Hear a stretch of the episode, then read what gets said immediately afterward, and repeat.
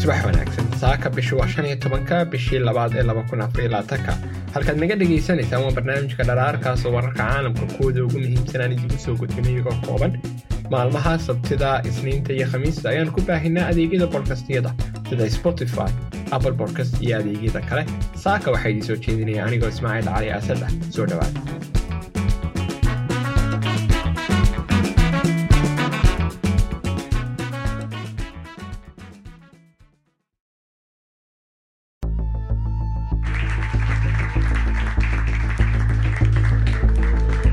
kowda bishii koowaad ee kii dhammaan geeska afrika waxay ahayd maalin cusub.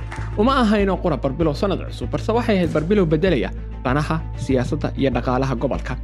Somalilan iyo etoobiya ayaa mid walbaaba wuxuu gaadhay han uu lahaa soddonkii sannee ugu dambeeyey somalilan iyo etoobiya waxay gaadheen heshiis qaabeynaya kontonka sannee soo socda gobolka oo dhan.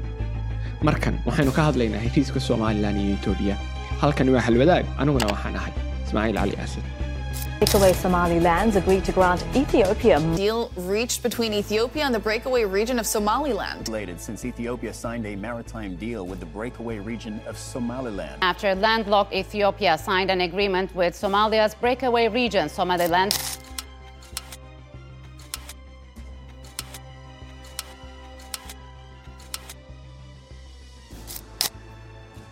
saa og tihiinba qof waliba ama madaxweyne kasta wuxuu hirgeliyaa danta dadkiisa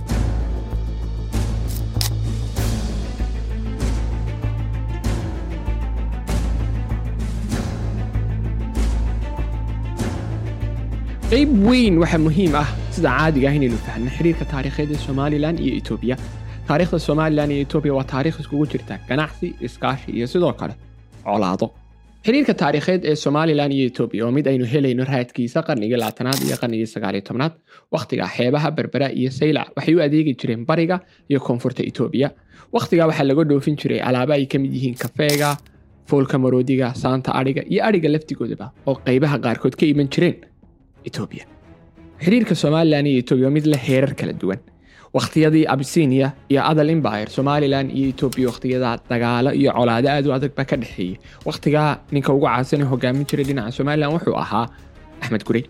Balse imaanshihii ingiriiska iyo somalilan waxay ahayd wax u eeg nabad oo kale. Ingiriisku wuxuu la dhigtay xuduud abisinia xuduudda uu dhigay waxaa si rasmiya loo fuliyey xuduudda oo dhammaystira arrintaas waxay keentay inay somalilan ka gadoodaan kacdoonana ka sameeyaan kacdoonka ay ka sameeyeen somalilan ugu dambeyntii waxay keentay in kii somalilan xornimadeeda ka qaadato ingiriiska. Balse iyagoon wax badan hubsan somalilan waxay dib midnimo ula gashay soomaaliya. Wakhtigaa wargeysyada qaarkood waxay qorayeen gobolkii diiday xornimadiisa ama dhinaca kale gumaystihii ama ciddii la gumaysanayay diiday xornimada. Sababta waxay u arkayeen midooda somalilan iyo soomaaliya inuu yahay xornimo diid jamhuuriyadda soomaalida iyo etoobiyana dagaal adag bay gale dagaalka qaybaha ugu badan ee keenay guulaha barbilowgii ahaa wuxuu ka imanayey qaybaha jamhuuriyadda somalilan maanta dhulka la dhaxo. Waxay arrintaasu keentay ugu dambayntii in lagu guuldaraysto dhulkii hanka loo lahaa. Somalilan midnimada waxay u gelaysay in laysku keeno shantii soomaali balse iyo dagaalku markuu dhammaaday waxay u ekeed in riyadaasu fashilantay waxaan ku tilmaami karnaa barbilow cusub barbilowgaas wuxuu ahaa in jabuuti xornimo ka qaadatay faransiiska ayna soo gelin midnimadii somalilan iyo soomaaliya. Balse dooratay dalkeeda madaxa bannaan inay noqoto ilaa dagaalkii u kala dhexeeyey jamhuuriyadda soomaalida iyo etoobiya oo lagu soo guuldaraystay isla ciidamo ka tirsan militariga somali republic ama jamhuuriyadda soomaalida ayaa isku dayey inay afgambiyaan maxamed siyaad bare arrintaas waxay keentay maxamed siyaad bare dhammaantood inuu dil ku xukumo arrintaas waxay dhinaca kale ka ahayd barbilow cusub oo ah hankii soomaali mid ah iyo dhulkii reseferia ama soomaali galbeed oo dhan. Inuu soo noqda inuu fashilmay. Arrintaas waxay keentay ugu dambayntii in snm samaysanto iyadoo rabtay in dib loo soo celiyo somalilan iyo sidoo kale in xukunka laga tuuro maxamed siyaad bare. Madaxweyne musabixi oo ka hadlaya colaadda uu qabay etoobiyaanka wuxuu sheegay waxaan ugu baqdin badnaa libaax iyo etoobiyaan adduunyada waxaan u nibcaa oo ugu baqa badnaa xabash iyo libaax. Ninkan caayi cadowga war wuxuu suu xudiray waaba xabash kama naxay ninkan ugu jira aniga xabashina argay baa niga dhexay cadaawada haysa seven sevenkii ninka ugu waxa ugu weyn la dhacay baa sogahay wuxuu sidoo kale sheegay madaxweyne muuse biixi in garabaysiga etoobiya ay ahayd guul ilaahay nagu hanuuniyey. Sidoo kale wuxuu sheegay inay horseeday nabadda geeska madaxweyne muuse biixi waxay la tahay inay ahayd guul ilaahay nagu hanuuniyey. Ina qorsan waayo geeska afrika cadaawad dhowr kunoo sanaa ka jirtay. Oo ay ahayd in laga bedelo. Raggii taa jabiyey baa una ee geeska afrika haddii cadaawaddaas ku dhismayd nacayb isira iyo waxaan la yidhaha bridgelis ninkaasoo ku cadow xun inaad ku aqraato iyo historicalba annaga dhibka saar soorta markii aanu dubnay inay sax ahayd tallaabadaas intii ilaahay waxaad ku garanaysaa fiir labaatanka sano u dambeeyey waxa ka dhacay geeska afrika isdhexgalka nabadda. Ugu dambayntii halgan dheer kadib kii somalilan waxay dib ugu noqotay xuduudaheedii lix iyo labaatanka jun. Halkaana waxaa bilaabmay dib u dhisid dheer oo somalilan gudaheeda gashay magaalooyinkii burburay iyo sidoo kale nidaamkii in dib loo dhiso. Kii somalilan cusub ayaa dhalatay somalilantan waxay ku fadhidaa xuduudihii lix iyo labaatanka jun ee kii balse dastuurka iyo qaybo badan oo gudaha ah way ka duwantahay somalilantii hore ee ingiriisku sameeyey. Somalilantan cusub waa mid iyada dadkeedu dhistay. Aan wax faragelinana aanay ku lahayn. Beesha caalamka iyo reer galbeedku. Somalilanta cusub iyo etoobiya waxay lahaayeen xiriir adag. Etoobiya waxay dalkii ugu horreeyey qunsuliyad somalilan ka furta dalkii ugu horreeyey baasaboorka somalilan aqbala sidoo kale waxay ahayd dalkii ugu horreeyey ee diyaaradiisu ka tegto madaarada somalilan taasoo somalilan u sahashay inay isku xidhmaan dadyoogii qurbajooga ahaa ee somalilandarka ahaa iyo somalilandarkii gudaha. Arrimahaasoo dhan waxay keenaysa in somalilan iyo etoobiya isku dhowaadaan balse marnaba etoobiya may siinin somalilan official ama aqoonsi rasmi ah. Inkastoy somalilan ku lahayd safaarad rasmi ah taana loo macnayn kara inay somalilan aqoonsan tahay etoobiya balse muu ahayn mid official ah ama rasmi ah oo si rasmi ah ugu dhawaaqday dowladda etoobiya markaynu ka imanno dhinacaas iyo somalilan iyo aqoonsaliyadeeda etoobiya iyaguna waa bilaabad. Si aynu u fahanno taariikhda etoobiya ee bilaabadda ah waa muhiim inaynu dib ugu noqonno wakhtiyadii farataysiga afrika. Wakhtigaas markii afrika la farataysanayey eriteria waxaa qaatay talyaaniga.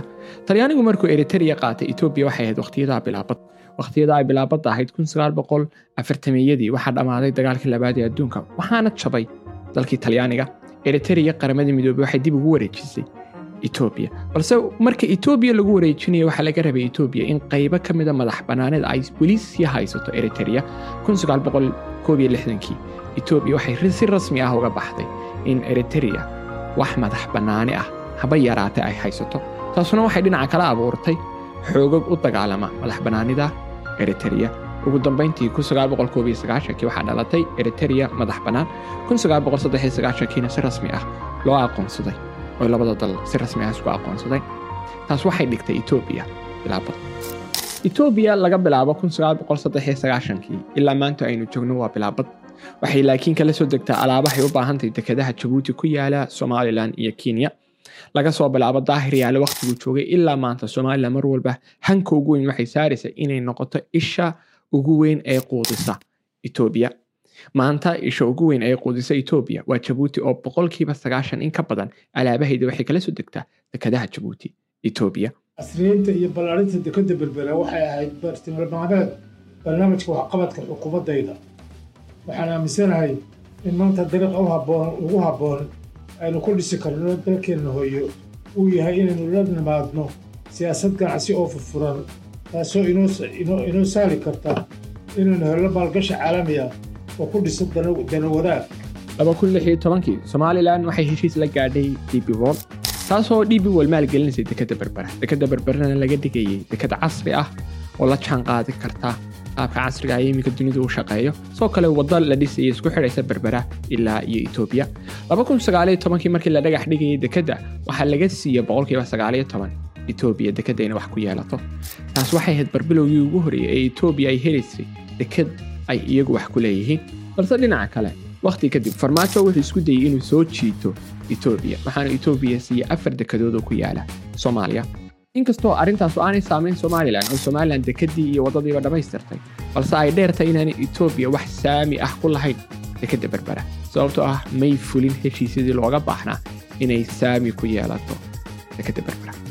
Dhinaca kale somalilan waxay soo jiidatay inay isticmaalaan dekadaheeda iyo xaamaheeda shirkad weyn oo ka mid ah shirkadaha waaweyn ee geeya etoobiya shidaalka shirkadda transfigor oo boqolkiiba lixdan baatroolka etoobiya lagu isticmaalo iyadu geysa sidoo kale boqolkiiba konton diiselka iyo boqolkiiba shan iyo labaatan shidaalka diyaaradaha ayaa somalilan isheeda ay marta ay tahay oo xeebaha somalilan intay kala degto haamaha shidaalka ee somalilan ku ururisa alaabaha kadibna marka dambe u qaada dhinacaas iyo etoobiya arrintaas oo weyn oyna tusinaysa somalilan inay tahay il weyn oo tartami karta inay iyadu tahay isha quudisa etoobiya al ayaa muhiim ah haddaad isweydiisidna xaq tahay inaanu kaaga jawaabno ah maxay etoobiya muhiim u tahay maxaa sidan oo dhan somalilanna ugu tartamaysaa shirkadani halkan u imanaysaa jabuuti boqolkiiba sagaashan u soo dejinaysaa soomaaliya u siinaysaa afar dekado sidoo kale kenya xataa tartanka ugu jirta waa su'aal muhiim ah etoobiya waa dalka labaad ee afrika oo dhan qaarad ahaan ugu tirada badan dad ahaan boqol saddex iyo labaatan milyan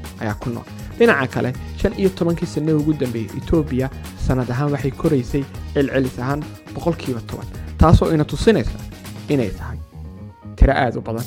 Inaad noqotid isha alaabta ay kala soo degayaan boqol iyo saddex iyo labaatan milyan oo qof. Dhaqaalo badan baa kaa gelaya ka dal ahaan ka shacab ahaan dhinac walba. Sababtaas ayay muhiim u tahay etoobiya cid wallaana u rabtaa inay maalgeliso warbixinada qaarkood oo sanadkan soo baxay waxay ka dhigaysaa inay etoobiya tahay dalka shanaad ee afrika oo dhan ugu dhaqaalaha badan su'aasha ugu muhiimsan waxa weeyaan xeebtee dekadee dalkee ayaa boqol iyo saddex iyo labaatanka milyan quudin doona in ka badan boqolkiiba sagaashan etoobiya alaabaheeda waxay kala soo degtaa jabuuti jabuuti waxaa ka soo gala adeegyada ay u fuliso etoobiya lacag ka badan hal bilyan sannadkii sida ay baahisay middle east institute laba kun koob iyo labaatankii dhinaca kale in etoobiya adeegsato dekadaha jabuuti oo qore khatarteeda leedahay haddii dhibaato yari ka dhaco jabuuti oo mid xidhaya boqolkiiba sagaashan isha quudinaysay etoobiya oo dhan uu shaqayn waayey heshiiskii afarta dekadood ee ay siisay soomaaliya etoobiya taasuna waxay ishoo dhan saaraysa etoobiya in se ugu dhaqsaha badan heshiisyo ula gaadha somalilan gaar ahaan si ay u adeegsato dekadda berbera. Taasoo aslan shirkado waaweyn oo quudinaya ama alaabta tamarta geenaya etoobiya ay adeegsadaan sida transficor oo kale. Sidoo kale waddadii way dhisantay dekadii way dhisantay. Waxaa qura dhiman waxa weeyaan etoobiya inay heshiis caqligal ah la gasho somalilan. Heshiiska somalilan iyo etoobiya saameyno dhowr ah uu leeyahay. Xiriir dhaqaale oo somalilan iyo etoobiya u dhexeeya saameyn weyn ayuu gobolka ku keenaya sidoo kale etoobiya waxay helaysaa fadhi militari oo badda ah gaar ahaan gacanka berbera.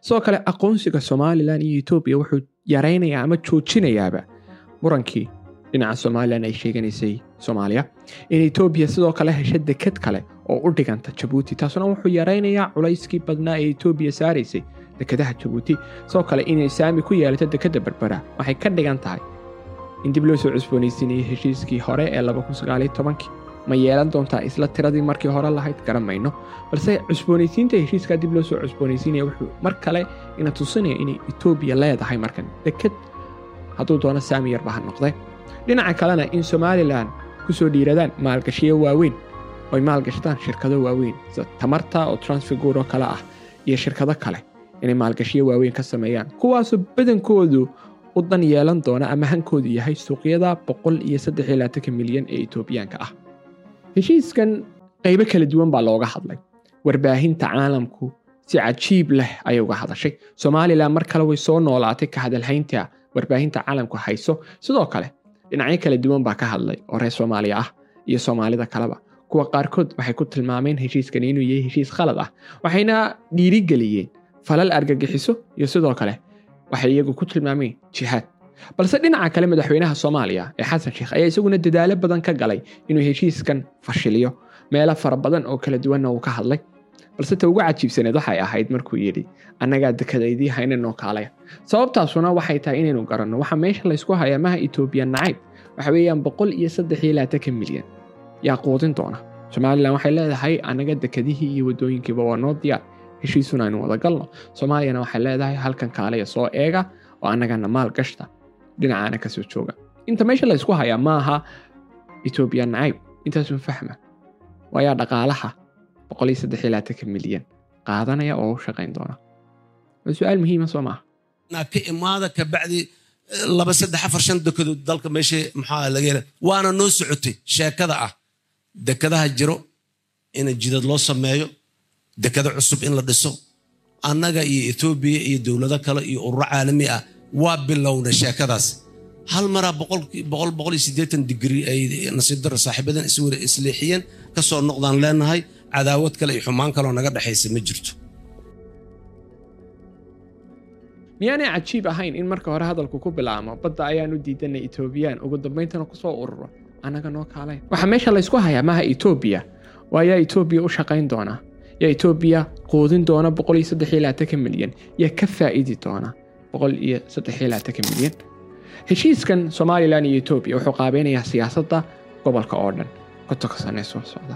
Dhaqaalaha iyo qulqulka dhaqaalaha ee gobolka soo socda. Heshiiskani wuxuu somalilan u samaynayaa iyo sidoo kale etoobiya mustaqbal qurux badan oo iskaashi heshiiskan dhinac wal aynu ka eegno waxayna tusinayaan qaabka aynaan afrikaan ahaan welibana geeska ahaan aynaan ugu baahnayn.